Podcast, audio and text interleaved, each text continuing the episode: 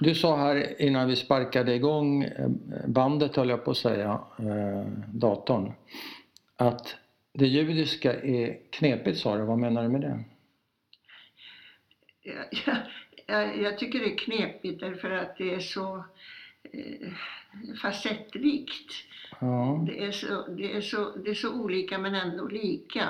Mm. Och det är därför vi kan ha våra kontroverser inom gruppen utan Mm. att det egentligen betyder någonting. Men det bara är så att man pratar. Och knepigt är det ju för att alla vill ju ha förståelse för sin sak.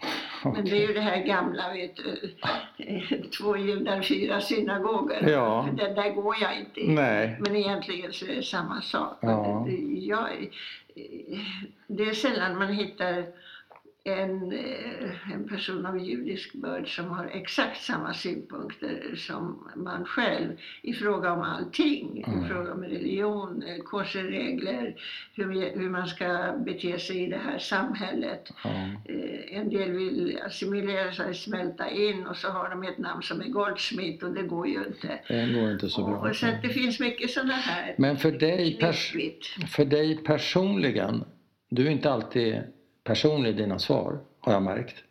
Du kan sväva iväg lite för att slippa vara personligt och det, det är helt okej, det bestämmer du. Men min fråga till dig var, vad är det som är knepigt med det judiska för dig?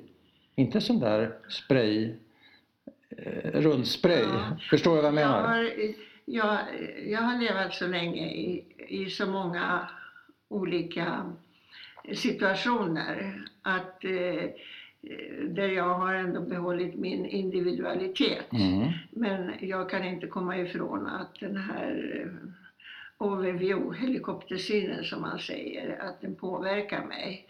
Och eh, att eh, jag hade önskat att jag hade sluppit vara mera, att jag hade sluppit vara anpassningsbar till den grad som jag ändå är i det här samhället. Men det går inte, man måste ju faktiskt anpassa sig.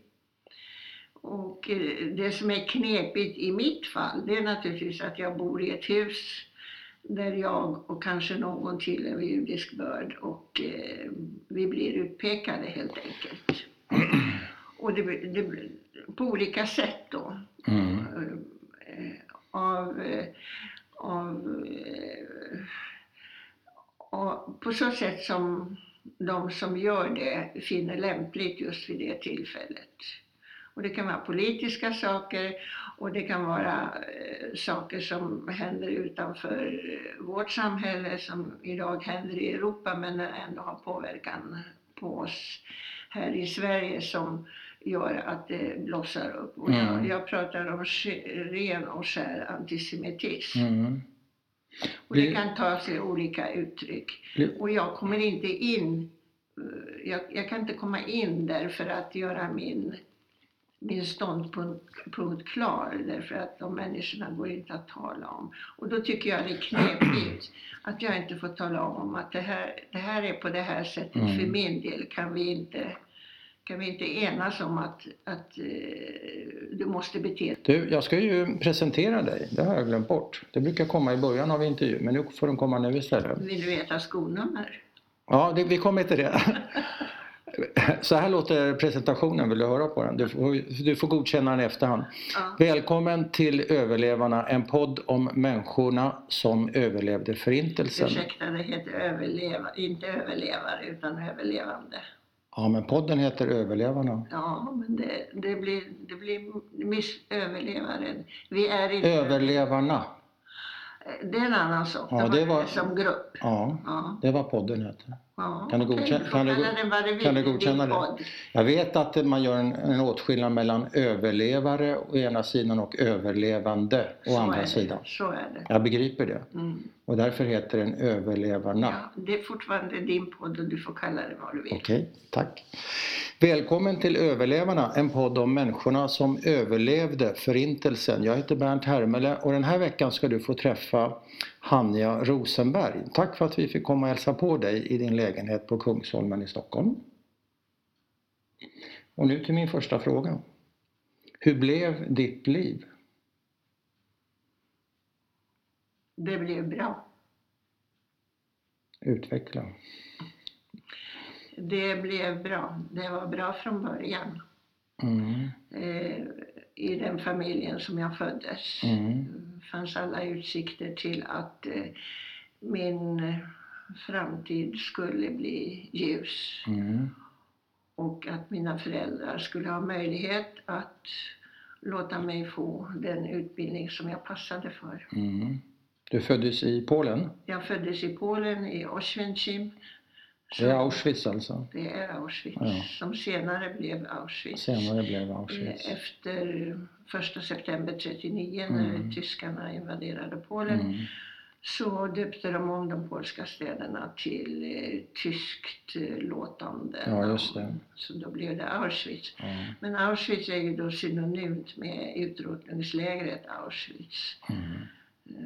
Men Men det var en by. Man kunde födas och leva där? nej, på det den var tiden. inte en by. Jag vill påstå att det var en stad. En stad, okej. För att eh, det fanns eh, mellan 16 och 17 000 invånare Ja.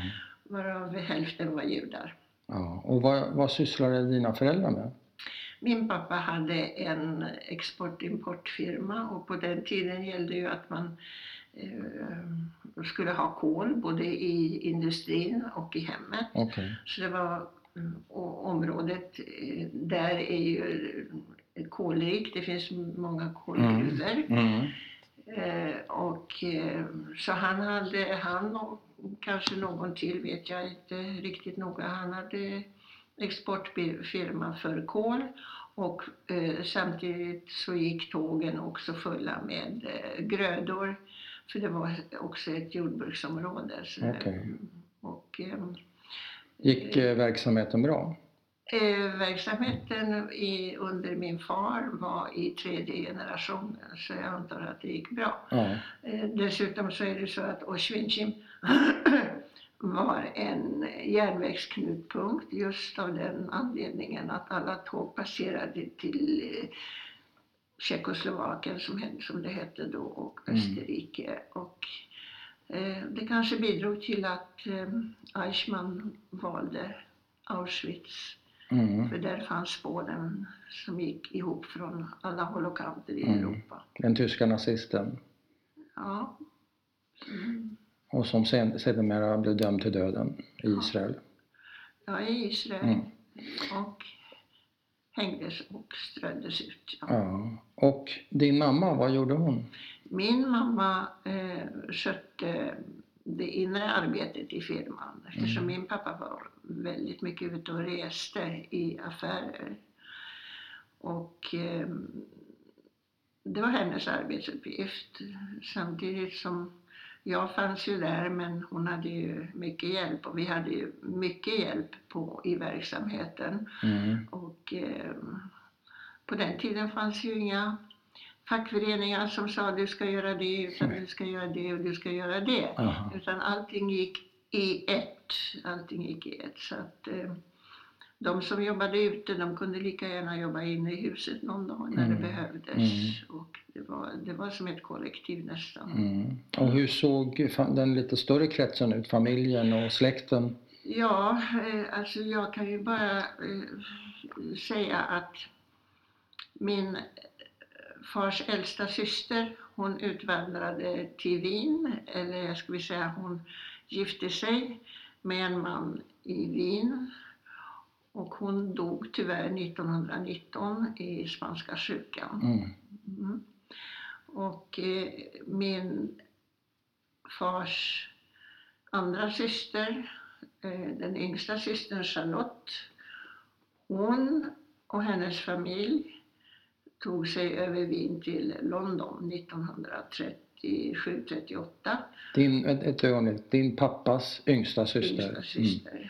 Syster. 38 till London, okej. Det var ju sista Där de stund. internerades. Ja. Där de Som spioner, internerades. eller varför? Ja, som spioner. ja, det var ju lite Därför oturligt. att de hade österrikiska pass. Ja. Hon gifte sig med en österrikare, Ja. äh, Lieberman. Ja. Men de internerades för Ja. att de hade österrikiska pass. Och mellansystern Regina blev kvar i eh, Oświęcim och hjälpte till i firman därför Mm. att hennes man eh, var kamrer i firman. Okej. Så det var ett riktigt familjeföretag. Ja, det var det. Och det har, i tredje det har alltid generation. varit. Ja. Det hade alltid varit.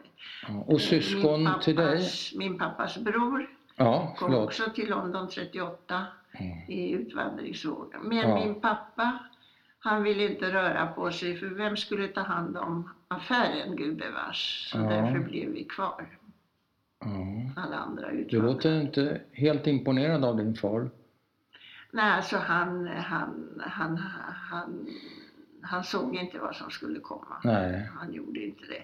Och dessutom så tyckte han att eh, firman ska skötas och ska göra det. Han har gjort det hela tiden Ja. tillsammans med hjälp av min mamma och sin mellansyster. Och eh, mellansystern ville väl också stanna och hjälpa till. Ja. Så, men eh, Fanns det någon var ett som- dåligt val. Det var ett dåligt val. Ja. Är det någonting som du har för, förebrott honom för så här i Det har jag efterhand? inte haft chansen till därför att eh, eh, när vi kom till gettot 41 så skulle då Schweinskim göras Judenfrei, alltså fritt från judar för att då var det så pass uppenbart att det pågick någonting i, Ja. i närheten av Auschwitz så att eh, alla samlades upp och eh, eh, internerades i ett getto inte långt därifrån som heter Sosnovets.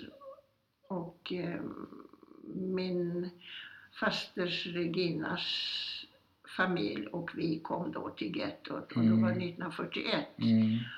Hur kom ni dit? Till fots eller? Nej, men de lastade oss på lastbilar Ja. allihopa. Det pågick ett par dagar Ja. så var vi borta ifrån Auschwitz. Och hur långt var det emellan skulle du Det säga? var inte långt emellan, bara, bara några kilometer. Och har du syskon? Nej, Nej, jag okej. har aldrig haft syskon. Nej. Beroende på att min mamma insåg ju det hela. Min mamma Hon insåg vad som ja, skulle hon hända? insåg vad som skulle. Hon, hon var framåtseende och Ja. hon, eh, hon tillhörde ett gammalt eh, eh, judiskt släkte i- som, som var verksam inom Habsburgska riket när det var Ja. Är det Österrike, Österrike, Ungern? Ungern. Ja. Ja.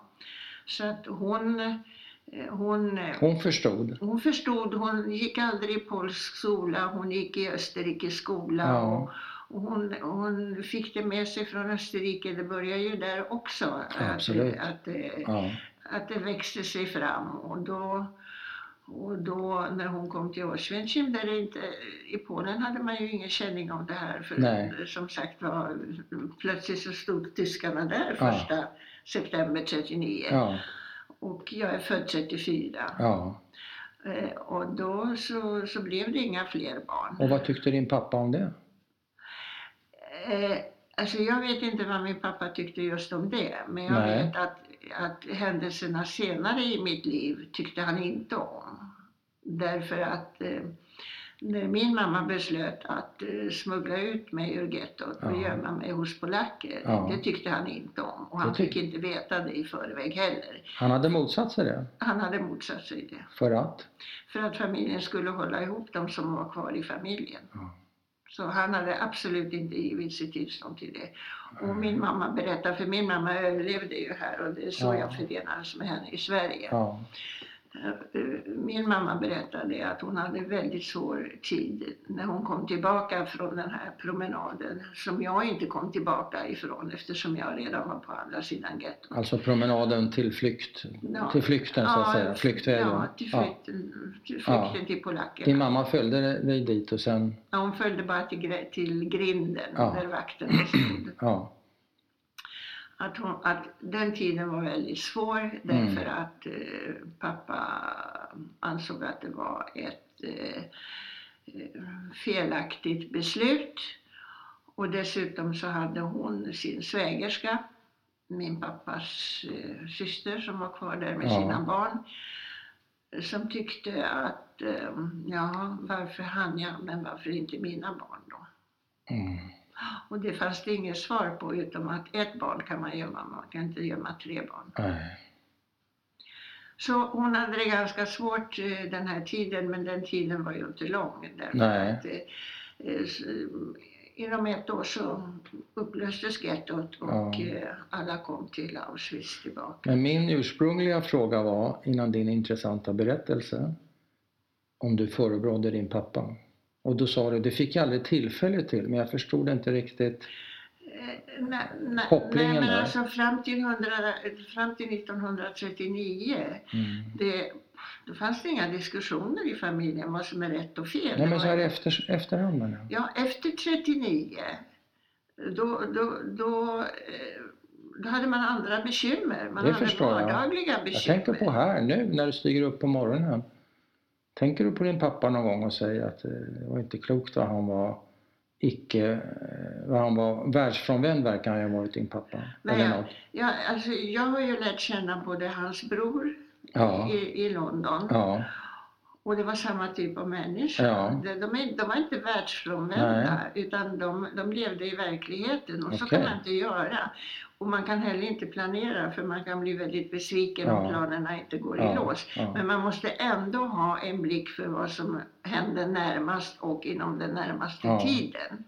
Dessa två herrar hade inte den Nej. insikten. nej. Däremot om jag tittar på hans tre systrar eh, Det- så av vilka jag lärde känna två ja. så var de ju riktigt med på, på vad På som noterna. kommer att hända. Ja, ja. var, Liksom din mamma. liksom min mamma, så, som, ja, men henne Men- är det ingen som slår. Nej, ja möjligen du kanske. Men, Nej, men det jag kan, det har jag lärt mig av henne. ja, det är tydligt. Men för, att förebrå någon kan man göra 40 år efteråt.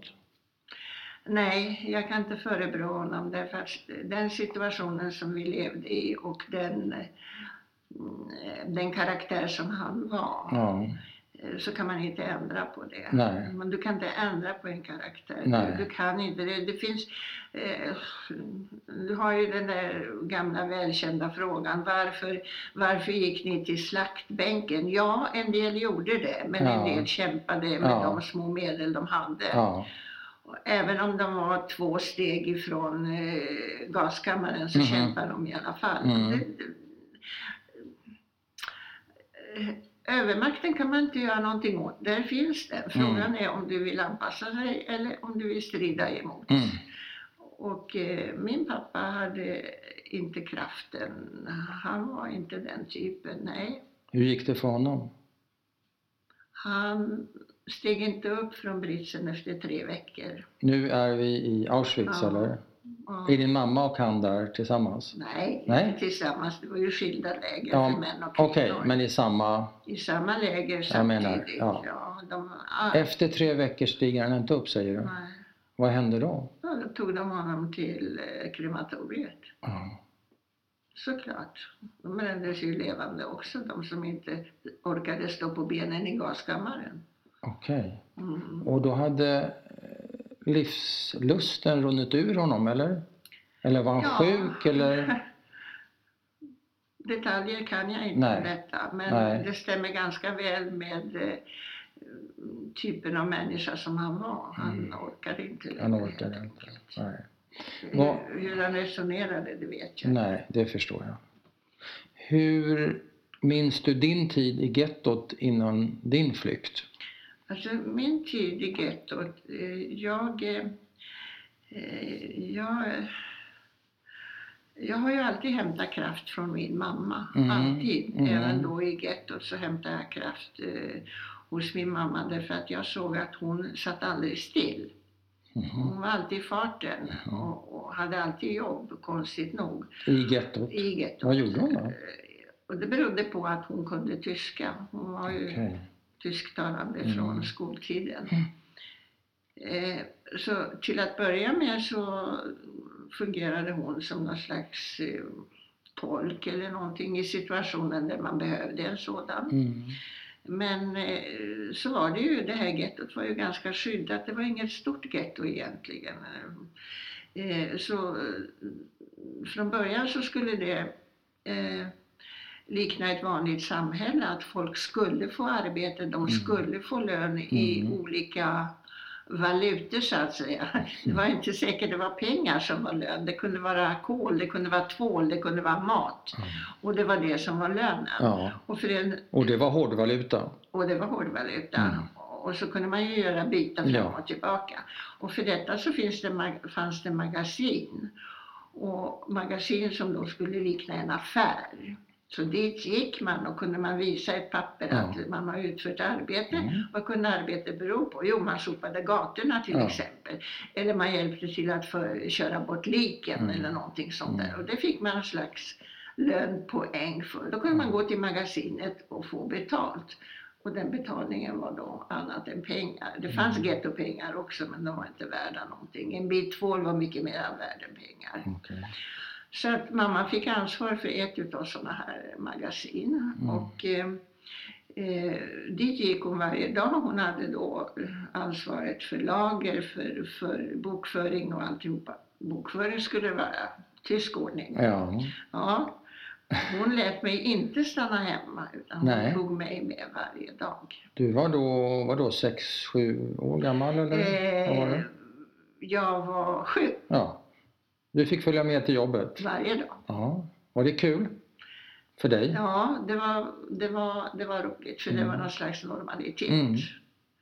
Och eh, hon tog mig med därför att eh, Ja, vad skulle annars hända om jag var utanför hennes Ja. ansvarsområde? Ja. Det visste hon inte. Nej. Det var lika bra att ta med henne Ja. tyckte hon.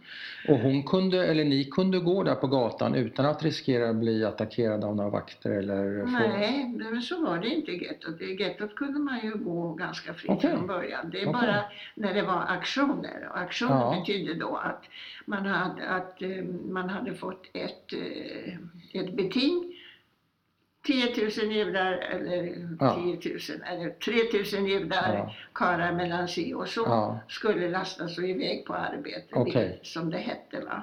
Mm. Då var det farligt att vara på gatan. Men visste man det innan när det var Ja, aktion? konstigt Det nog visste så ni? visste man Okej. ganska väl att det Mm. någonting var på gång. Mm. Man kanske inte visste direkt. Men eh, Och lastas till arbete, det var koncentrationslägret? Ja. Ja. Det var det.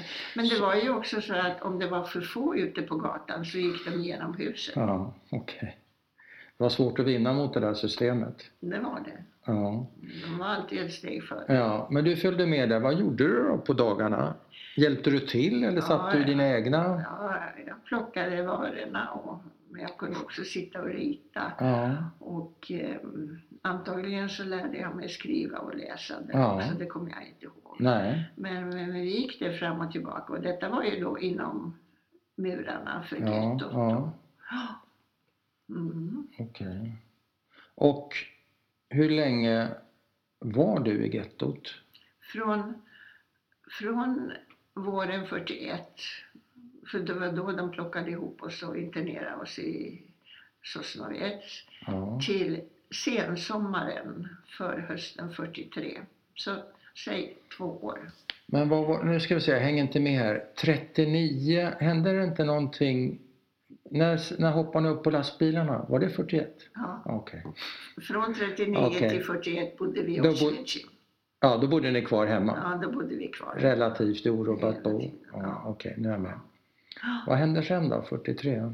Ja, 43 hände ju, alltså man måste ju picture, man måste ju se min mamma för att förstå vad hon gjorde. Ja, Eh, hon, eh, hon var lång, blond, ja, talade tyska. ja. Såg hon lite arisk ut? Jo, det tyckte jag nog att hon gjorde. Ja. Eh, hon... Eh, när de här planerna tog eh, fart hos henne, det, det, det kan jag inte säga. Flyktplaner alltså? Ja, hur hon skulle. Nej. försöka placera mig. Mm. Eh, ja, eh, men för att göra det så måste man ju veta vilken väg man ska gå. Hur ska man få ut den där ungen nu då, Ja. genom grindarna? För Ja. att, Och nu är du nio år ungefär va? Nej, jag, är- detta är 43 då. Ja, då är det Då, tio. Nio. Ja. nio. Mm. Ja. Och ganska normal för min ålder när det gäller storlek så det går inte att bara pressa in mig under muren inte eller Nej. kasta mig över muren. Så Nej. går inte. Nej. Nej, hon, hon var alltid så att hon spelade med öppna kort men hade ett eh, extra kort i rockärmen så att säga. Och vad jag tror och vad hon har berättat eh, det är att hon visste att mm, Alltså gettomuren var ju omgärdad med med en mur, delvis staket, delvis mur och där på, med, med jämna mellanrum så fanns det vaktkurer. Och där stod tyska Wehrmacht och vaktade. Och Ja. de hade de där kurerna på båda sidor och Ja. stod och vaktade där. För där kom ju bilarna ut och in med de som skulle hämta till läger och de skulle ju också, vissa förnödenheter kom ju också den vägen Mm. för att vissa förnödenheter försåg ju tyskarna gettot med, det kan man inte komma ifrån. Annars skulle ju alla dött på en Mm. gång. Va? Eh, för trots allt 41-42 så var det ju ett arbetsläger Mm. till att börja med. Så, Du menar i, i Auschwitz? Ja, Mm. så det var ju tänkt som ett arbetsläger från början. Så säg då att det var ett ganska stort avstånd som man kunde slinka igenom. Men det gällde ju att få de där soldaterna att eh, titta bort eller att muta dem eller på något sätt eh, stänga till ena ögat för att jag skulle komma ut genom just den grinden. Mm. Men vad ville du? Jag ville ingenting. Jag hade ingen aning om vad som pågick. Nej men ville du inte, ville du vara kvar med mamma? Ville du? Nej, jag, Hon berättade inte för dig att Nej. hon skulle nej hon berättade ingenting. sätta dig... Den Okej. dagen det hände, Okej. den dagen det hände, Ja, så gick vi ut som vanligt till jobbet så att säga. okej. Och då sa hon så här. Idag kommer det hända så här att vi går till honom där, Walter. Och eh, jag ska prata med honom. Är det eh, en militär alltså? Ja, en som hon En hade vakt. bearbetat tidigare. Ja. Ja. Och jag kommer att tala med honom. Och du kommer stå bakom ryggen på mig så länge. Mm. Och jag kommer tala med honom. Och, och eh, när jag eh, ger dig ett tecken, när jag klappar dig på ryggen så ska du springa genom grinden. Spring rakt, rakt, rakt fram till skogsbrynet. Och du ska inte vara rädd därför att på andra sidan i skogsbrynet väntar någon på dig. Mm. Ja, vad gör du? Jag menar, eh, alla har ju levat i skräck. Även små barn förstod Mm. vad som... Barn förstår mer än man tror. Mm. Fast om man tittar på dagens barn så undrar man hur de skulle hantera en sån situation. Jag förstår också. Ja, men det, det situationen skapar, Mm. Skapar Och det fanns inget utrymme för dig att ställa frågor eller protestera eller säga jag vill Nej, vara med nej, dig, men- stanna med dig mamma. Det, nej, den, nej, min- det utrymmet fanns inte. nej, det, det, det behövdes inte heller därför att min mamma, vad hon företog sig, Ja. var alltid en lyckad aktion. Okej. Så, det Så du litade på, när hon sa någonting så litade? Fullständigt.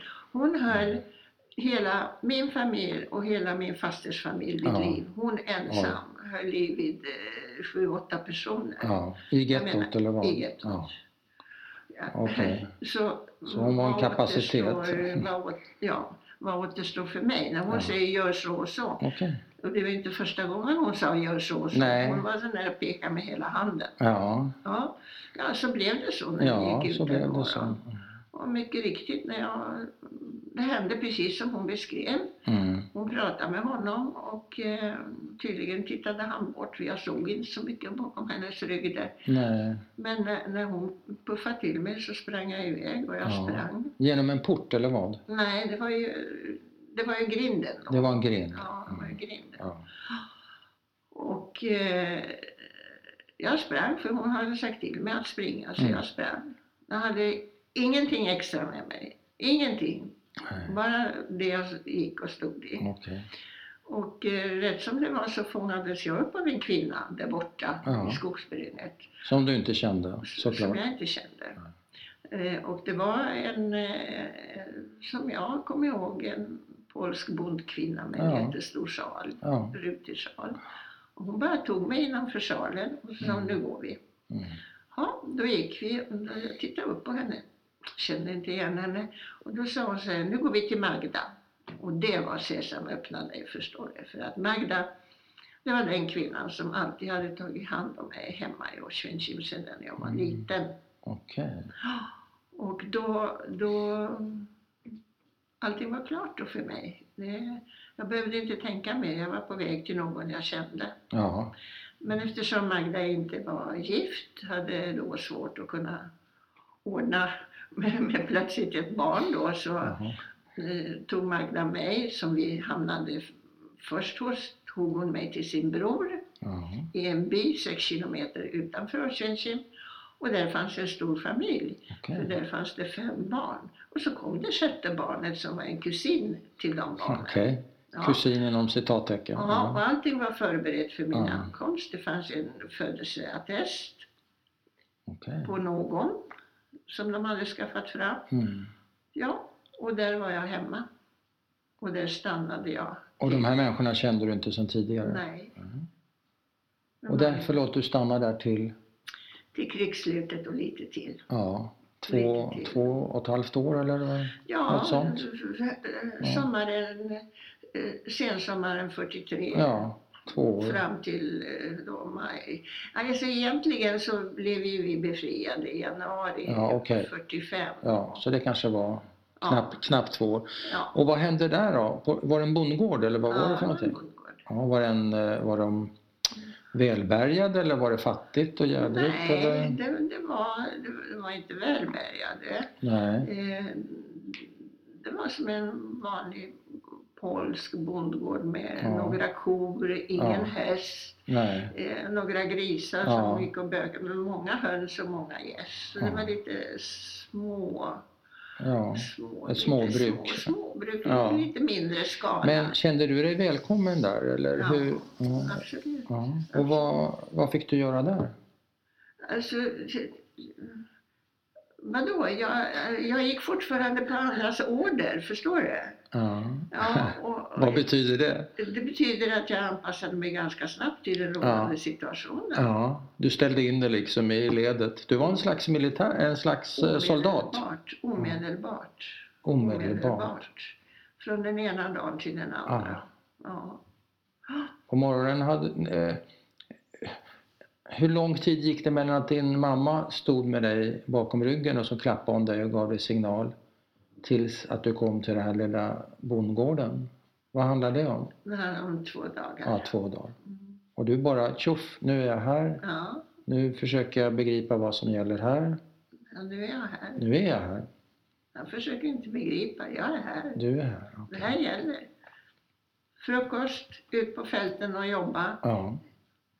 Se till att gässen inte sprang över andras ägor. Nej, okej. Ja, Hur, hur förhindrar man det? ja då, då springer man med en lång käpp, okej. precis som fåraherdar. Ja, Och så motar man in dem på de Ja. egna ägorna. okej. Mm. Gick det bra? Ja, det gick. Mm. Ja, det, Du blev en bondtjej sådär över en natt? ja, jag, jag stoltserar med det, ja. Varför, var, varför, varför säger du stoltsera som om du... Därför att jag har eh, lärt mig en sida av livet som jag annars kanske inte Nej. hade kommit i kontakt Nej, med. nej. Men nu, dåtidens bondgård, hur den fungerade då, vilka arbetsuppgifter man hade. Ja, Och det var ju inte så att de vuxna arbetade bara, utan alla jobbade ja i alla hushållet. jobbar till. Hur gick det med, med de andra... Eh, vad var det? Du var kusin till dem? Jag Dina kus- kusin, hur gick det med kusinerna då? Alltså mina pojkkusiner, de, eh, en av dem var i samma ålder som jag, en var yngre, en Ja. De, de accepterade mig som kusin, de visste Ja. inget annat. Okej.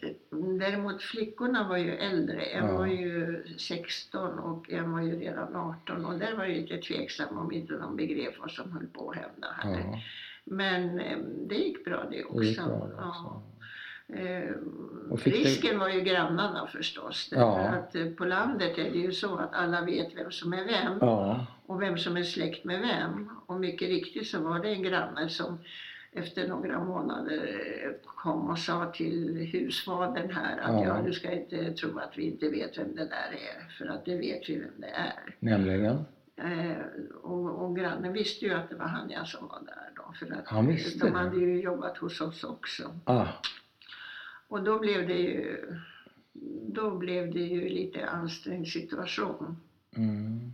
Var de överens, eh, det här paret? Kände du att de drog åt samma håll i, i det här projektet att rädda dig eller fanns det olika uppfattningar mellan dem? Alltså i, i paret i, emellan eh, makarna emellan, Mm. där fanns det inga frågetecken. Nej. De var nog överens. Men frågan är om de överhuvudtaget visste vad de gav sig in på från början, för det tror jag inte de gjorde.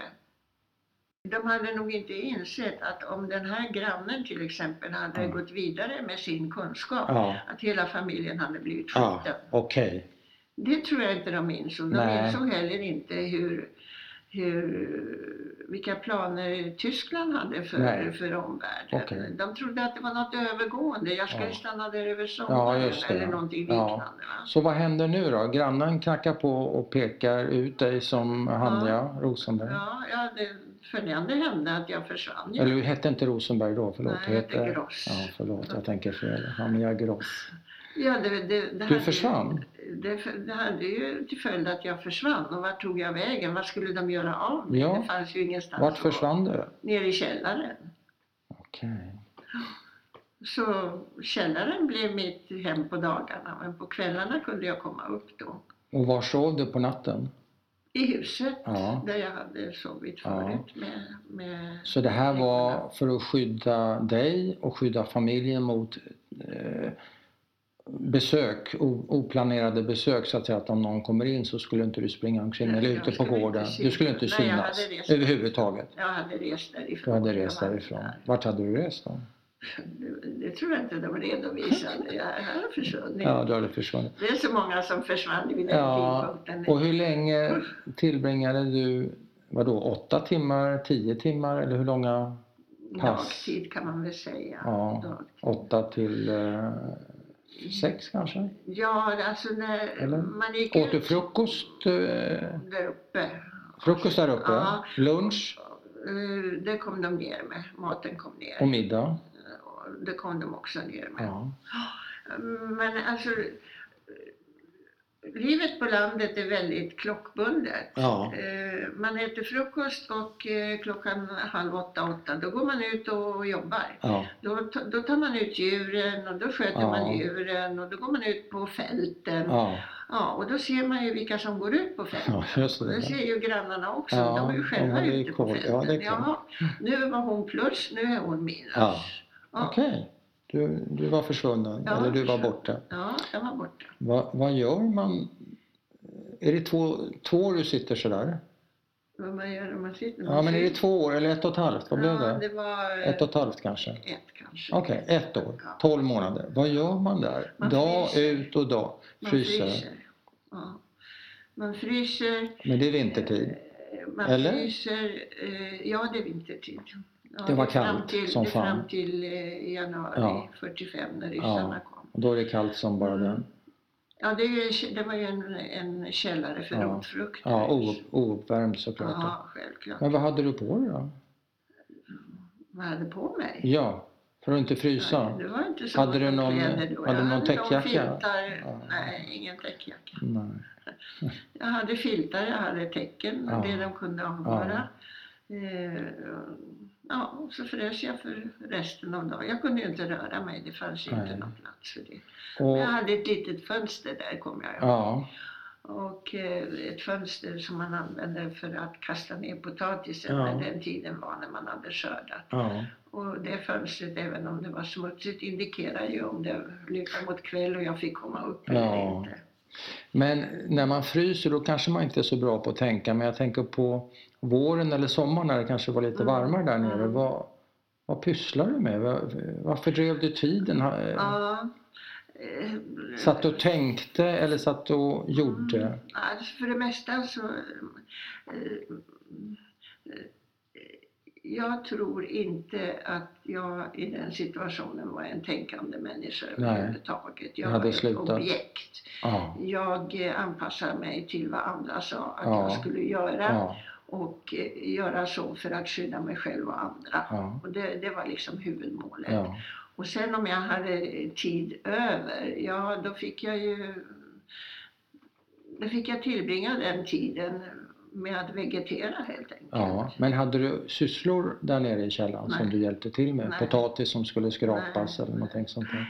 Nej, det, det är ju också så på landet att man gör sånt där utanför huset. Man Mm. sitter på backen och skalar Ja. potatis, Ja. sen slänger man ut vattnet på dynghög. Ja. Du kan. Ja, men jag har Du har lärt det ganska Du länge. har lärt det. Var du rädd?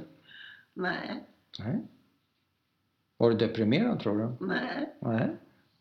Men hur sjuttsingen fyller man ut ett års passivt, ja du säger själv vegeterande. Hur gör man det? Ja, men det Hur ju står man ut? dygnet. Det Ja, okej. Det var det du, du satt och väntade ja, på. nästan ja, klockan. halva dygnet Ja. var jag ju uppe Ja. eh, med de andra. Ja. Ändrades deras relation, eh, föräldrarna där, till dig? Påverkades den negativt, positivt på något sätt i och med att insatsen hade ökat, hotet mot dem och deras familj Ja. och deras barn Ja. var ju akut efter den, den här besöket av grannen. De var ju avslöjade, inte bara du. Nej, nej. Påverk, de, de, på, de. ja, påverkades era relation av det här? ja, Och det är hur? klart. Det är klart. Alltså, Ja. Jag kan föreställa mig. Jag är Ja. inte säker. Nej. Jag lever, försöker leva mig in i hur de tänkte. Ja, men hur det kändes för dig tänker jag. Alltså, Hur du för mig- uppfattade dem? Om jag börjar i andra änden. Okej. Så det värsta som kunde hända, det var att jag dog. Okej. För vad skulle de göra med liket? Och det tror jag var en fråga som de sysselsatte sig med. Ja. Och av den anledningen så var deras beteende gentemot mig kanske lite mera plus än om jag hade varit där uppe. Ja. Alltså, de knackade på luckan, de öppnade luckan, Ja. de pratade med, med mig när de kom ner, när de skickade ner maten. Eh, kvinnan i huset var lärare.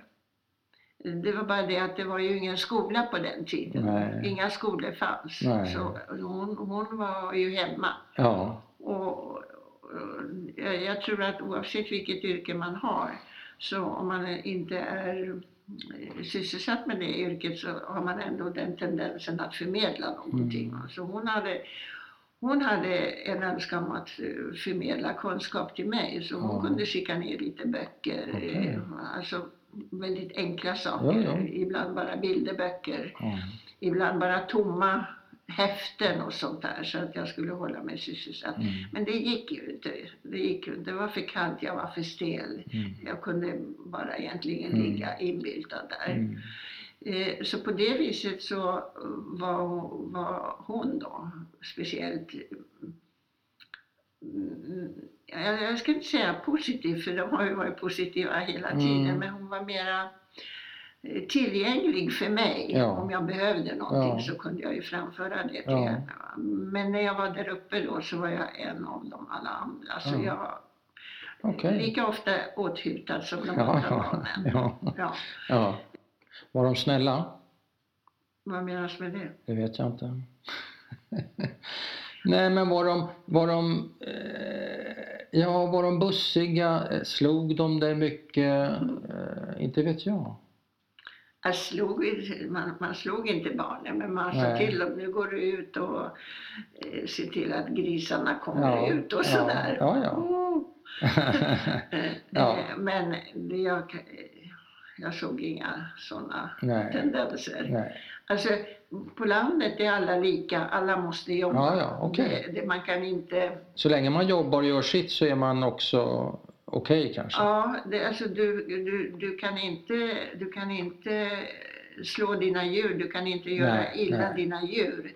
För då drar du undan mattan för dig Ja, själv och då ja. kan du heller inte slå. Jag tänker bara på en sån sak, eh, alkohol va? Söp han mycket, mannen Nej, där? För det fanns kan... ingenting i nej. huset av den varan. Nej. Det fanns ingenting. Pratade du jiddisch eller polska? Nej, jag pratar polska. Okej, och hemma hade du pratat jiddisch eller? Polska. Vi pratar inte jiddisch hemma. Nej, Vad är det för judar? tyska judar. Jaha. Polska judar. Polska. Var det det vanliga? Det var så här, min mamma kunde inte särskilt bra polska. Hon Nej. kunde tyska. Ja. Min pappa kunde både tyska och polska. Ja. Folk omkring oss pratade polska. Mm. Så vad skulle jag med tyskan till? Nej. Så jag pratar polska. Okej, och jiddisch förekom inte alls? Nej, Nej. inte i vårt hem. Min, min mamma pratade väldigt knackig jiddisch Ja, egentligen. ja. Men man var ju tvungen att prata jiddisch i en stad som Oswiecim där halva befolkningen var judisk och Ja. det pratades bara jiddisch. Ja. Idag talar jag jiddisch Okej, hur har du lärt dig det? Det har min man lärt mig. Ja.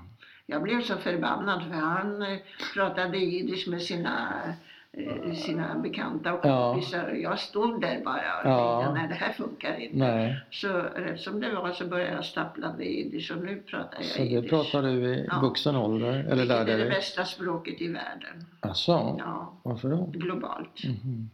Esperanto, fast Kom fungerande? vart. Nej, Kom ingen vart. nej, Idag kom ingen vart. Nej. Jiddisch Ja. kommer att bestå. Ja.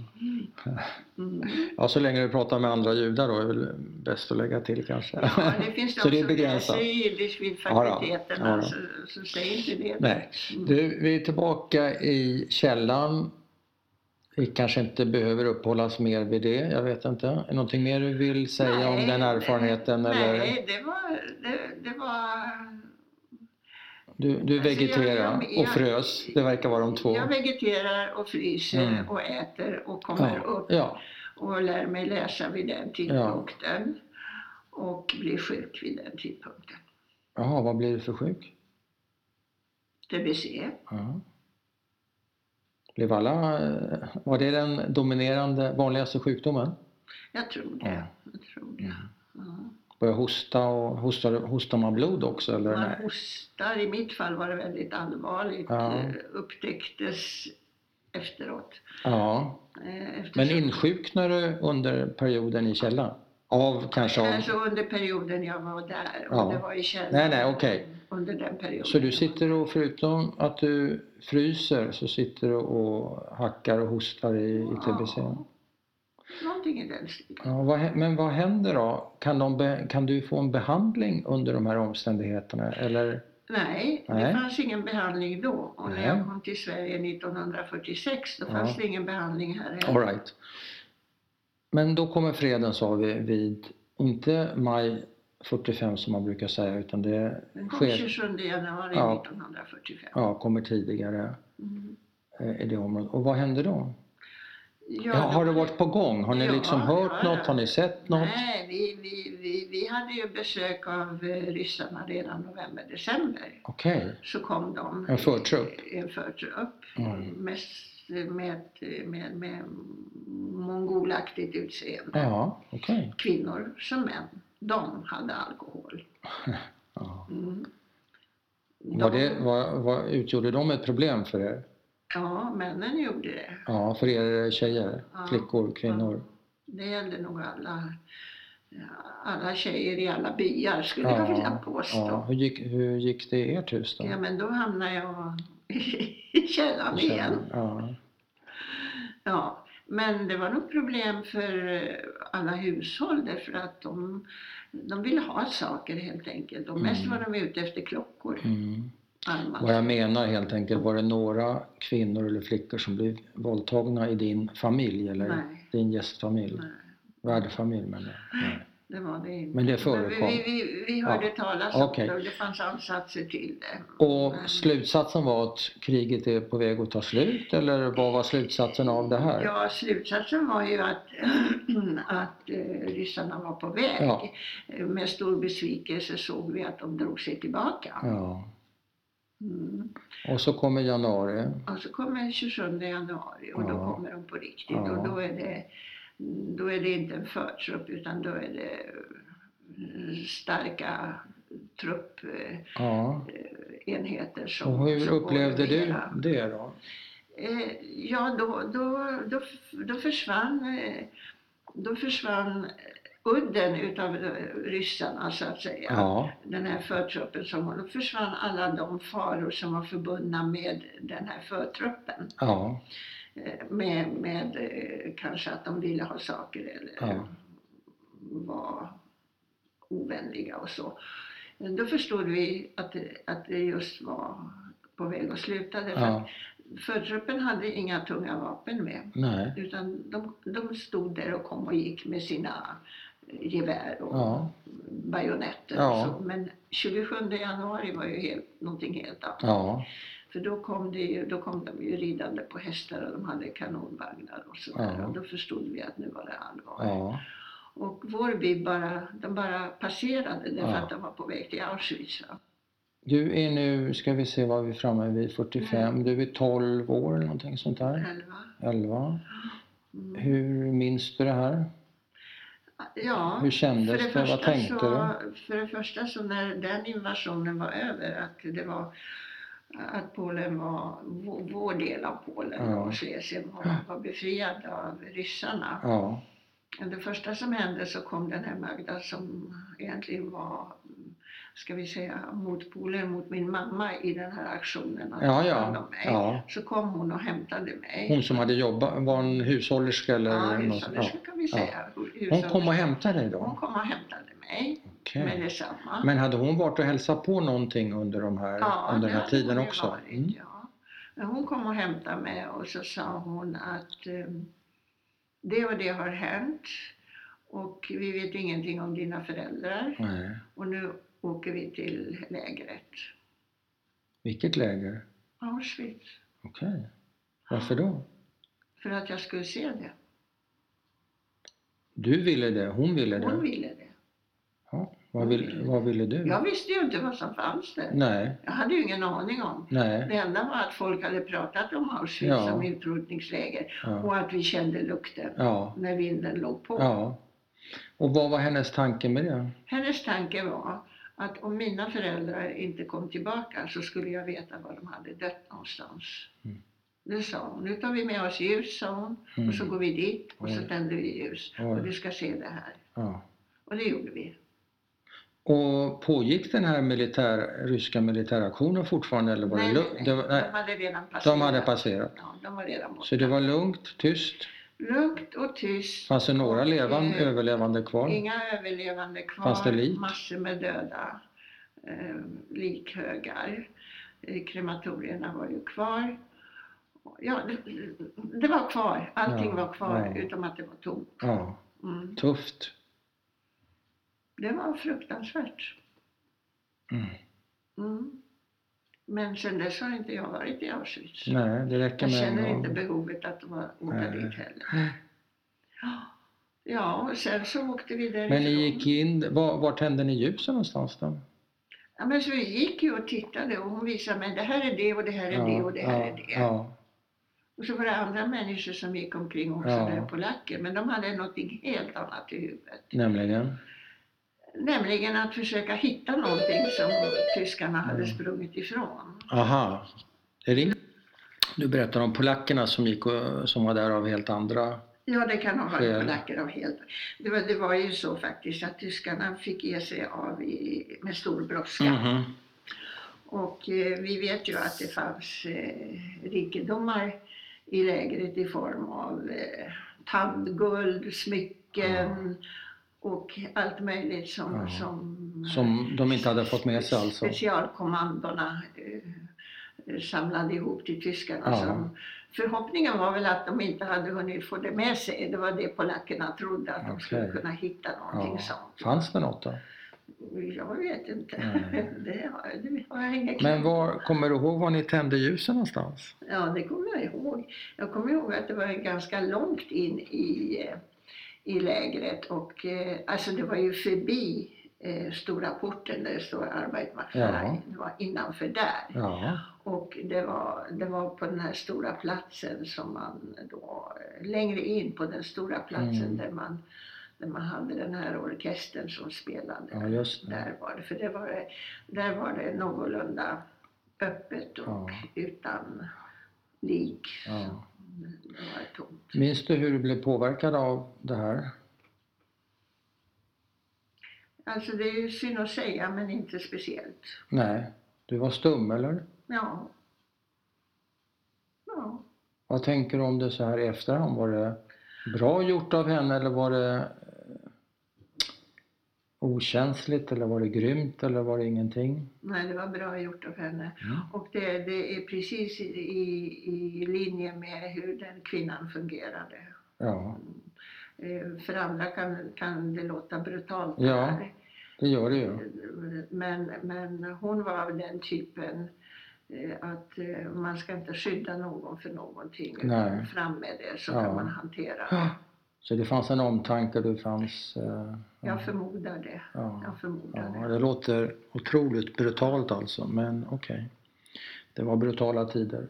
Ja, det var det. Och du måste ju tänka på att eh, jag hade ju ändå upplevt, eh, upplevt 39 till då Mm, i januari 45. mm, Hon, hon bar mig på sin rygg den 1 september 1939 mm, när vi försökte fly från Auschwitz och trodde att vi skulle kunna fly därifrån Mm. och komma någonstans, vad vet jag, till Ryssland eller något. mm, Och det misslyckades så vi vände ju åter. Mm. Hon bar mig hela vägen på ryggen.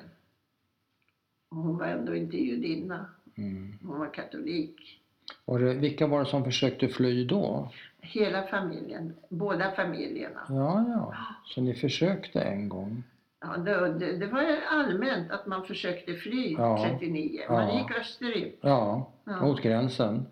Ja. Och ni kom inte igenom? Nej, vi, vi kom aldrig så långt som till gränsen. Nej. Därför att eh, det, det, var, det var för farligt. Man sköt på oss uppifrån, kulsprutan gick och vi sprang ut efter vägen ner i diket Åh, och så gick man ner Ja. det skogsdunge så Ja. kunde man gö- gömma sig Ja, där. ja.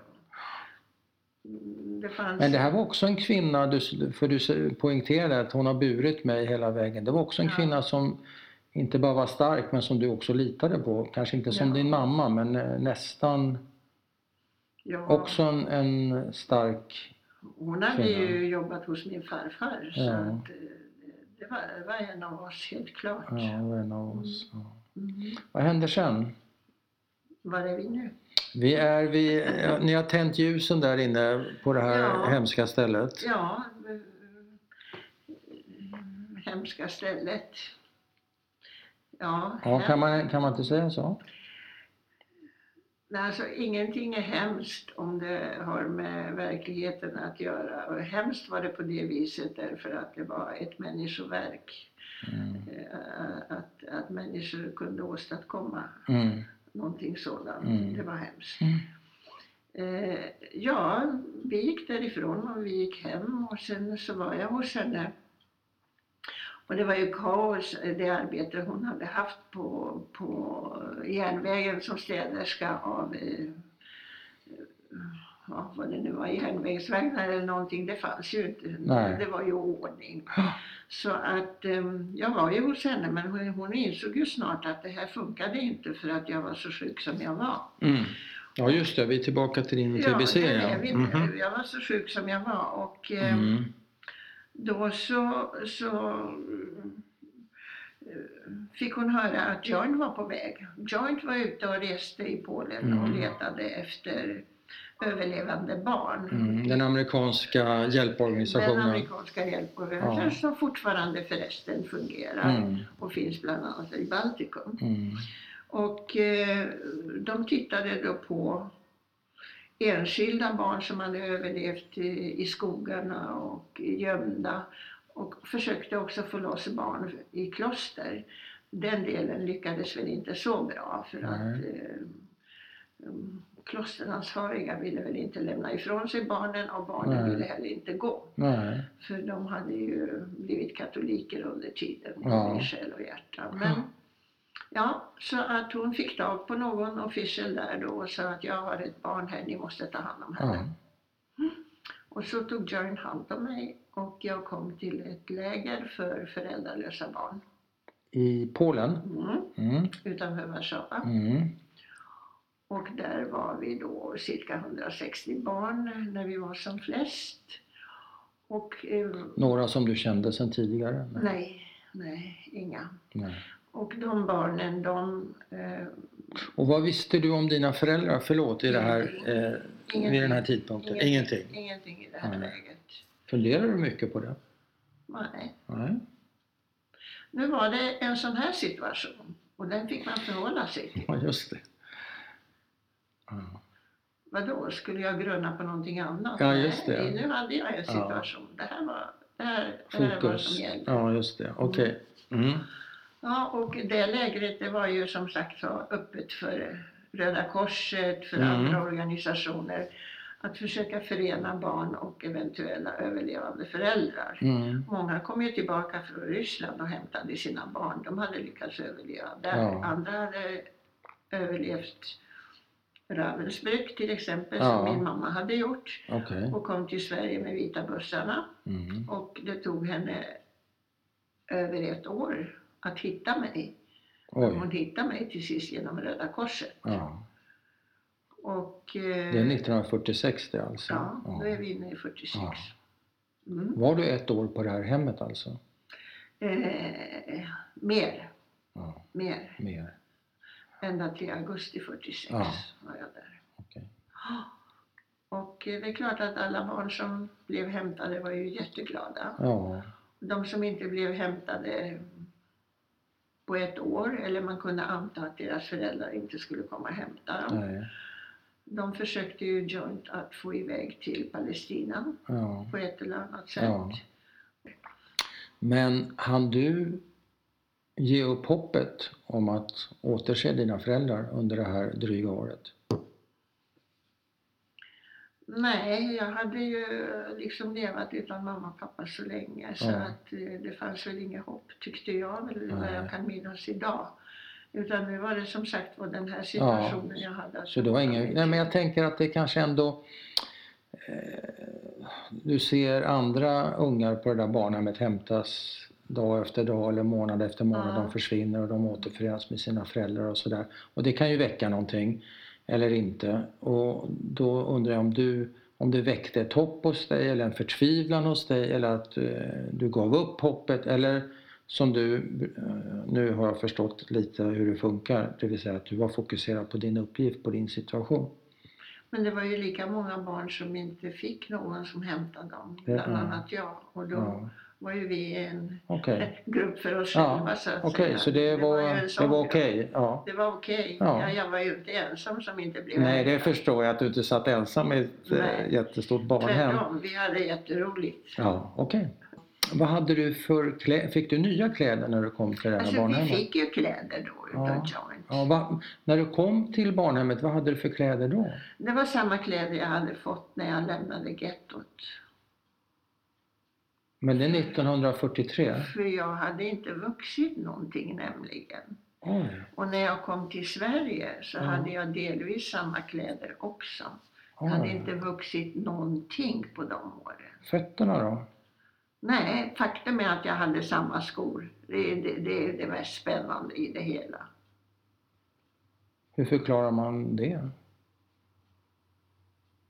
Du, du satt väl inte... Undernäring. Ja, ja, Undernäring, sjukdom ja, och eh, brist på motion såklart. ja okej. Kan jag tänka mig. Ja, ja, du hade inte vuxit någonting?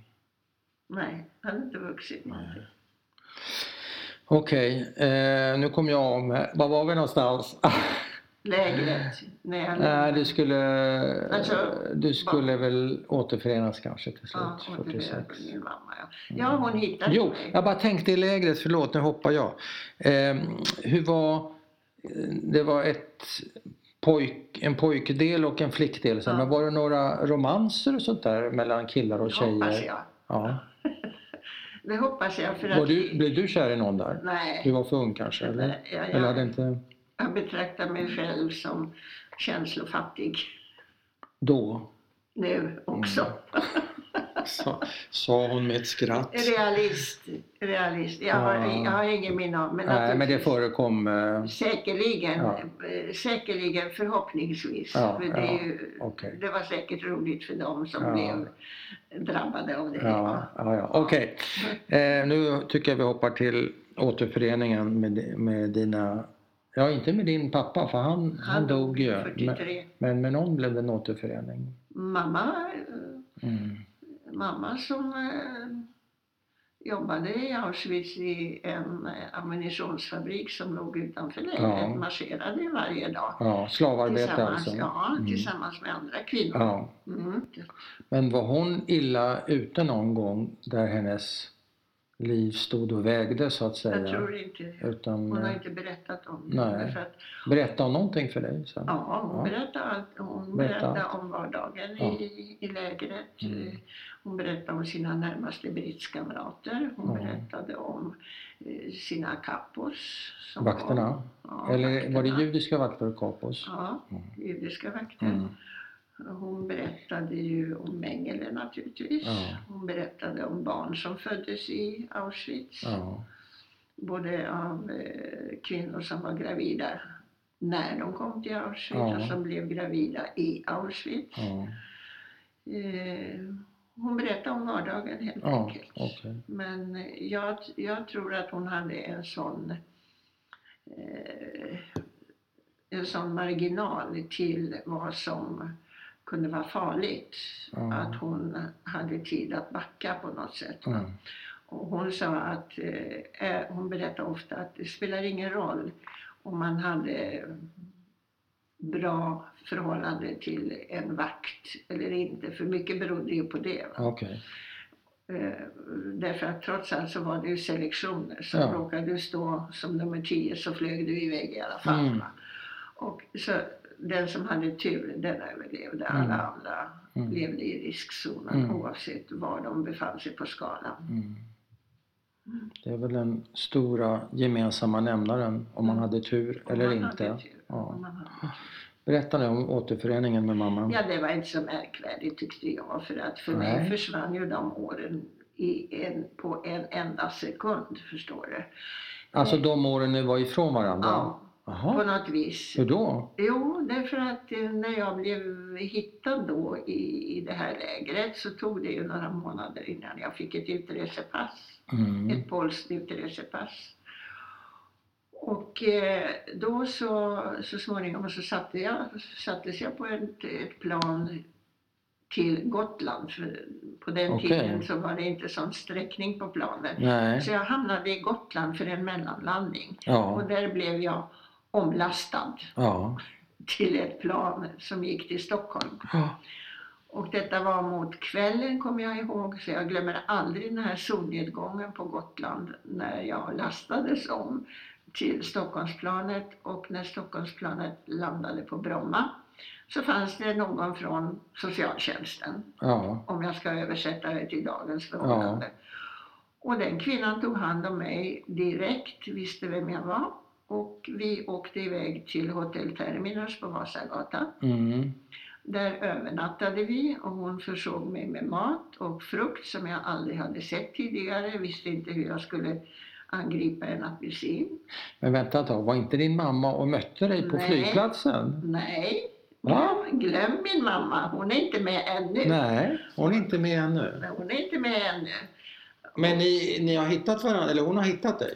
Hon har Ja, hittat mig, okej. hon vet vad jag är Ja. och det tog ett år innan jag fick passet. Så hon Ja. skickar paket till mig, hon stickar Oj. koftor till mig. Oj. Vi är i kontakt med varandra. Okej. Också föreståndarna på barnlägret skriver om mig för Mm. att hon skulle vara lugn. Jag Ja. skriver också. Ja. Eh, från Terminus tar vi ett tåg Jaha. till Värmland. Jaha. Inte till Karlstad, Nej. men till Arvika. Där, där mamma eh, bodde. Ja. Men till, till Arvika, ja det är ju nästa. Ja, det där det- är min mamma nämligen. Okej. Där är min mamma. Och var är hon? Arvika. Ja, jobbar hon där eller bor hon där? Hon eller? jobbar där. Mm.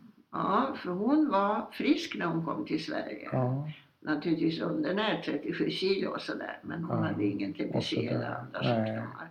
Men i Arvika hade sanatoriet upplåtit en hel avdelning för sjuka flyktingar. ja. Mest kvinnor. Jag tror inte det fanns en enda man. Nej, det fanns inte en enda man. Nej. Så en hel avdelning med sjuka kvinnor. Och med dem följde mamma, som en mamma. Ja. Ja, och tog jobb och var liksom en mellanhand mellan de sjuka kvinnorna och ledningen. Sen visste hon ju att jag var sjuk. Så det passade ju väldigt bra i Ja. hennes pussel att hon jobbade där. Så när jag kom Var möttes ni någonstans? på stationen i På Arvika, stationen? Där stod hon och väntade på dig? 16 augusti 1946, där stod hon. Då kom jag ut från tåget och där stod hon.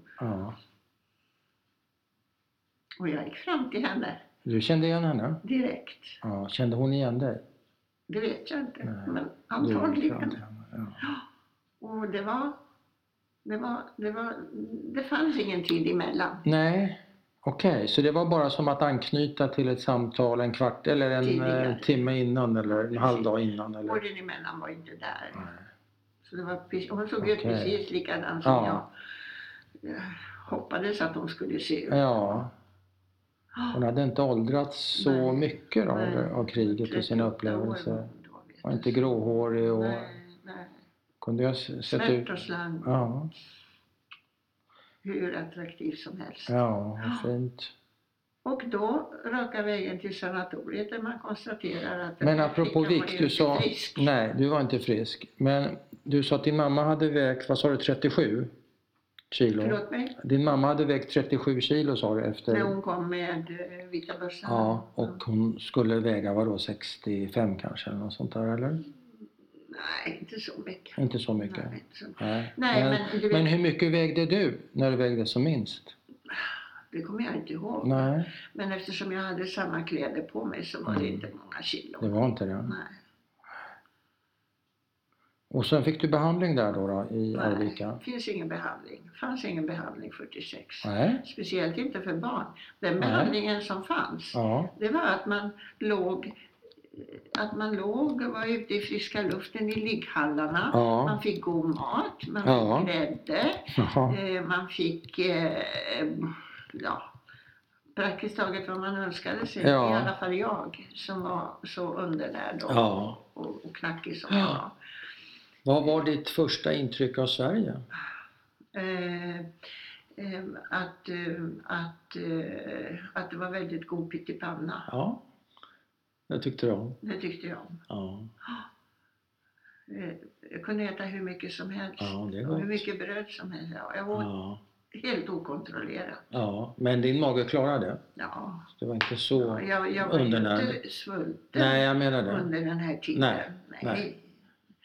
Eh, Det var bara det att maten var begränsad till det vi själva producerade. Mm, mm. Och begränsat så tillvida att man hade en planhushållning. För Ja. man, man var ju tvungen att planera i krigstider. Man Så pyttipannan, det är Sverige för dig? Ja, Tycker du fortfarande om pytt? ja, Ja, det gör jag. ja. jag med. Ja. Eh, och du sa tidigare att du har inte varit tillbaka till Auschwitz efter det där förfärliga besöket. Men har du varit tillbaka till Polen? ja. Mm. Men Det är det inte var- så att Polen är på svarta listan för dig? Eh, det har det varit i 65 år. Okej, Ja. när åkte du tillbaka eh, första gången igen då? Alltså, jag, som jag sa till dig så är jag väldigt engagerad i alla de här eh, föreningarna som, som baserar sig på medlemmar som har överlevt och främst barn. Då. Ja. Ja. Och eh, vid ett sådant tillfälle i Jerusalem för en eh, tio år sedan kanske, Ja. jag, jag, jag, jag vill inte exakt säga när, men i Nej. alla fall ett sådant tillfälle i Jerusalem, så är det alltid så att planerar, var ska nästa kongress äga rum? Ja, Och då hade vi lyckligtvis hade vi några delegater från Polen, jaha, sådana här överlevande. Ja. En del i kloster, en del andra. ja, Som sa, men varför kan ni inte komma till Polen? ja, Det var ett eh, en motstånd utan like mot detta Ja. utav de som satt där och Ja. skulle och det var ett, ett fullmäktigemöte. ja, även från dig? Ja, ja, även, även jag var där. ja, men du var också hörde till motståndarna? Nej, jag, jag Nej, hade ingen uppfattning men Nej. det kändes inte bra. okej. Jag hade ingen uppfattning. Alltså, under, under tiden som de här pajkastningarna pågick så tänkte jag, varför inte? Mm. Varför inte? Jag menar, i mig själv menade jag, de här fyra som sitter här, delegaterna, kämpar för det här.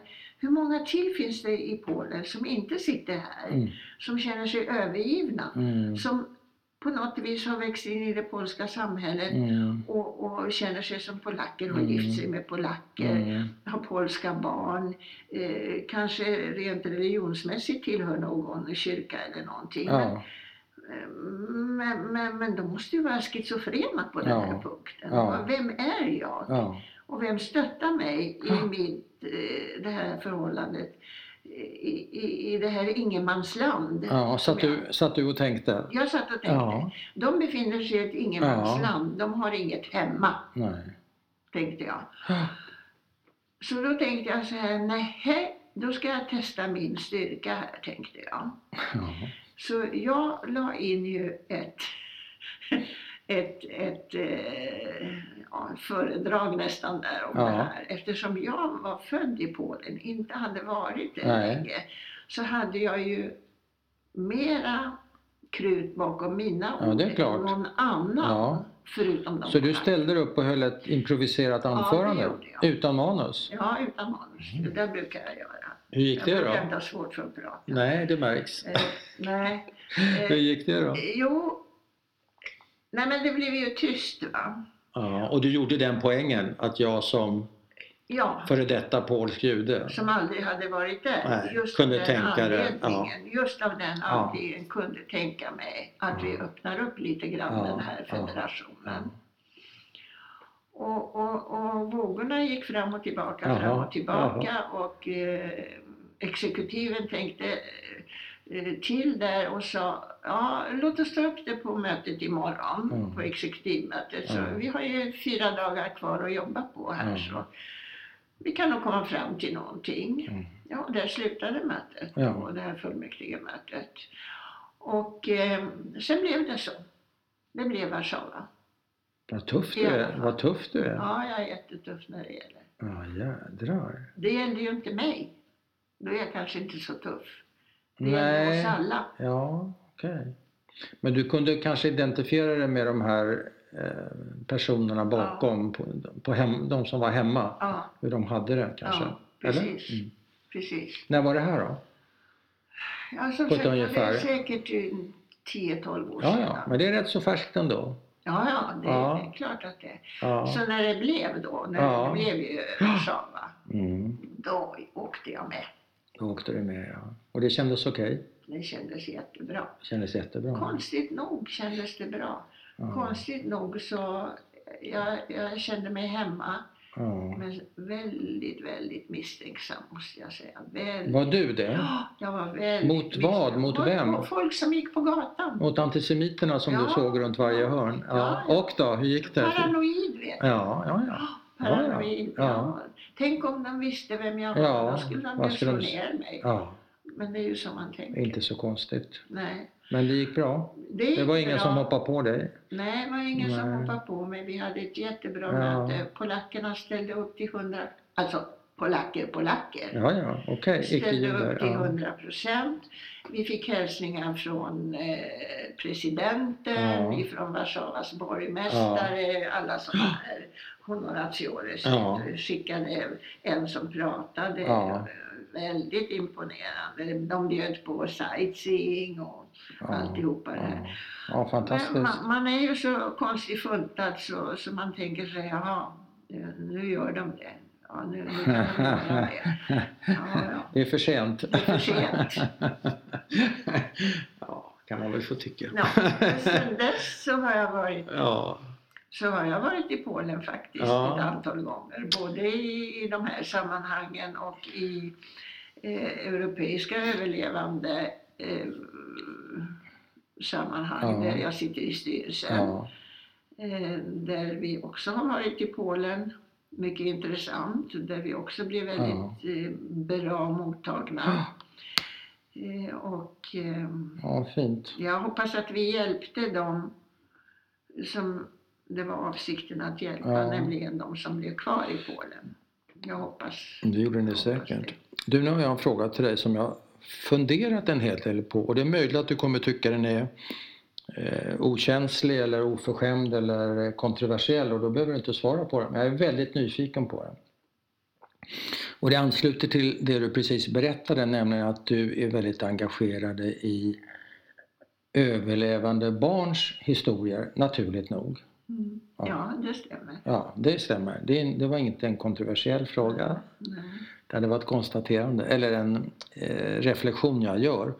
Men min fundering är, finns det en hackordning mellan er överlevande där vissa erfarenheter som till exempel vuxen i ett koncentrationsläger, i ett dödsläger, Ja, smäller lite högre än ett barns erfarenhet nere i en källare på den polska landsbygden? Det är min fråga.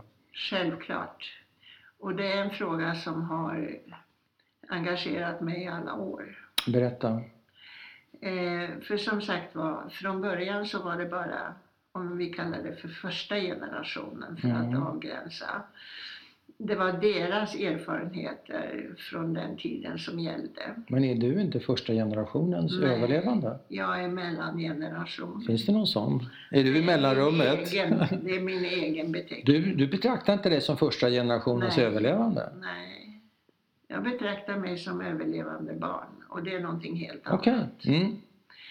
Eh, eh, den allmänna uppfattningen, och, och det har ju också med majoriteten att göra. Majoriteten av överlevande var ju faktiskt de som överlevde koncentrationsläger Mm. eller på annat sätt var förföljda Mm. och överlevde, Mm. överlevande. Eh, det, det finns en eh, det finns en, ska vi säga, en, en tabell för detta. Okej. Mm. Och eh, de som kan anses vara överlevande barn, de är födda eh, 29 är det va? För då var de 10 år när kriget började. Okej. De som är födda 29 och framåt, Ja. de, kall, de, kan, de får kalla sig överlevande barn. Därför att de var 10 år när kriget Ja. började, i alla fall i Polen. Ja. Sen kom ju kriget senare till Ja. Ungern och Rumänien och alla de där. Och detta är taget ifrån Claims tabeller. ja. Eh, så Också en hjälporganisation för övrigt. det är en fungerande hjälporganisation, ja. Eh, så att Men vad har deras tabeller med saken att göra? Jo, då, deras tabeller har med saken att göra. Att de, därför att det blev en särskild förhandling om ersättning Ja, till ja. överlevande barn. Och då Jo. frågar man, vem är överlevande barn? Ja. Och då slog man fast att överlevande barn är den som är född 29 därför att han hon var barn 39 och sen överlevde man kriget. Och om man är född efter 29 då är man inte överlevande barn enligt den här tabellen? Enligt tabellen är man överlevande vanlig citationstecken överlevande om man är född före 29. Ah, förlåt. Så, men, så att 29 eller senare överlevande barn? Precis. Okej. Mm. Så du är överlevande barn Jag enligt den tabellen? Ja. Okej. Eh, när kriget slutade 45, då säger vi var de överlevande barnen. Jag var ju 10-11, men de Mm. kunde alltså vara födda 29 fram till Mm. 45. Mm. Där går gränsen. Mm. Då kunde vara 16. Då kunde det vara 16. Mm. Sen var det ju inte barn längre, sen var det ju Nej, de andra ja. som är födda före Ja. 29. Ja. De var ju i majoritet. Det sägs att det är cirka 2000 barn enligt den här tabellen som Mm. räknas som överlevande Mm. totalt sett. Mm. Så de som är före, födda före 29, de gjorde anspråk och hade ett revir då. Att det var de som var överlevande och hade Mm.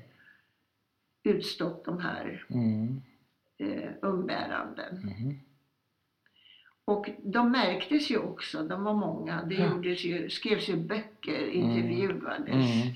Eh, De fanns där, synliga. Vi Mm. barn var tysta. Därför att våra föräldrar, om de levde, hade ju sin historia att Ja. berätta. ja, såklart. Och vi barn kunde inte berätta ännu då. Nej. Dessutom så pågick det, ska vi säga ett rykte, eller inte ett rykte, men en uppfattning att barn växer ur de hemska saker de har Mm. varit med om. Mm. På den tiden, och det är ju inte så många år sedan, som posttraumatiskt stresssyndrom har blivit Mm. en diagnos. Men det är precis vad de här barnen har, har i diagnoser idag Mm. om man tittar efter. Mm. Så att om vi ska säga att det finns en skala, ja. Mm. Första skalan, födda före 29, som berättar om sina umbäranden. Den andra skalan kommer vi, där man har uppfattningen att egentligen så har ni glömt alltihopa så ni ska vara normala människor. Mm. Men vi som är födda 29 och framåt, Mm. vi, oss de här, de här upplevelserna har ju hunnit ikapp oss nu. Ja, just det. Ja. Så vi har ju precis samma problem, och det är ett problem, Mm. Som den första generationen hade. Mm. Med panikångest, med eh, vad du vill, eh, antidepressiva medel delas ut till höger och vänster i Mm. sjukvården. Mm. Och det finns många som inte kan bemästra det här utan de faller i den här gruppen att vi är som våra föräldrar. Mm. De har ju också fått en hel del nedärvt. Mm. Och där har du ju två grupper igen. Därför att du har den ena gruppen som har ärvt det här genom sina föräldrars berättande. Mm. Du har den andra gruppen där föräldrar inte har berättat Nej, någonting. Där de här barnen först i egen vuxen ålder har kommit underfund med Mm. Aha, nu vet jag varför mamma var så konstig Mm, när jag var mm. liten. Mm. Att hon kunde ligga hela dagen och gråta Mm. och ropa på sin mamma. Så att du kan spelka upp det hur långt som helst. Men den här tabellen som du pratar om, och jag tänker på det ibland som en statustrappa, att vissa erfarenheter har en högre status än andra erfarenheter och barn har ju alltid, är ju alltid långt ner på alla statustrappor, eller hur? Mm. Eh, det gäller ju, all, gäller ju i alla sammanhang. Eh, det, kan man, det är ju hemskt, men så är det. Men är det här någonting som kommer från, så att säga, om vi pratar om utifrån eller inifrån, det vill säga utifrån storsamhället Sverige eller kommer det inifrån den judiska gruppen eller inifrån de överlevande? Var, kommer den där idén om att eh, din och andras berättelser som överlevande barn har inte, varit, har inte haft samma framträdande roll. Var kommer det ifrån? Inifrån. Självklart. Därför att om du frågar någon utifrån så är vi en stor grå massa som har Ja. överlevt kriget. Ja, okej. De, de känner inte till några nivåer. Nej. Utan det är inifrån. Det är inifrån. Ja. Tycker du att det här håller på att förändras till det bättre? Till det sämre? Till ingenting? Rör det på sig? Går det att prata, går det att prata om det? Beklagligtvis nog så är det så här att den första generationen lämnar oss nu mer Mm. och mer. Mm. Därför så vi, blir vi överlevande barn synliga på ett annat sätt. Mm. Och det är nu vi märker ett intresse från media Ja, och från annat håll ja. för vad vi har upplevt Mm. och hur vi lever idag och Mm. hur vi hanterar den här situationen. Tråkigt nog. Ja, det är en tråkig Sen- anledning. Sen säger jag återigen att vi överlevande barn är en mellangeneration Mm. och det finns ju en andra generation och den är mycket spännande att titta på Ja, ja. utan att för den skull säga att den tredje generationen är en normal generation, Mm. för det tror jag inte alls på. Nej, okej. För jag tror att det här, de här trauman, de är så djupt rotade och det finns faktiskt en studie på det i Kroatien. Mm. Att till och med generna har förändrat sig Oj. genom generationerna på grund av detta. Oj. Och då finns det inte någonting att göra åt. Nej. All right. Eh, vad sätter du först då när det gäller din identitet? Judinna, svenska, före detta polska, överlevande, Ja. mellan, mellangenerations... Vad sa du? Överlevande, mellangeneration? Det finns många. Vad, vad sätter du för någon... Vad är det för, för en? Jag, jag, var, jag var på en fest en kväll Mm. Och eh, det var många polacker där, polacker, polacker. Okej, det vill säga icke-judar. Men det fanns också många judar. ja, polska judar. Men det gängse språket var polska. Ja, Så man umgicks på polska Ja. den kvällen. ja.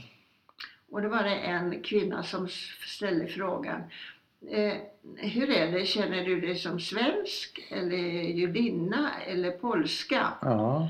Och jag svarade henne, det beror på sällskapet. Ja, ja. Det är ett väldigt bra svar. Tyst blev det. Ja. Det blev ingen fortsättning. Nej.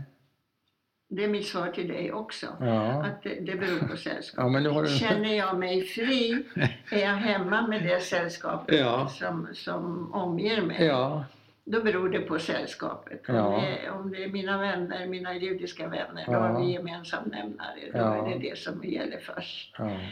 Eh, Du är lite taktisk där alltså, du känner av lite? ja, jag känner Mm. av vad, är- Mm. vad, är- vad är tillåtet Vad, vad är idag. möjligt? Ja. Vad är inte tillåtet idag. Ja. Men, men jag är Okej. som en kameleont i den frågan. Ja, okej. Intressant. Jag är nöjd. Jag vet inte om du är nöjd. Vill du lägga till någonting? Nej, jag vill inte lägga till någonting. Jag tror att det är bra. Jag tror att vi har eh, hoppat på tuberna Ja, från det ena till okej. det andra. Då tackar jag så mycket. Tack själv.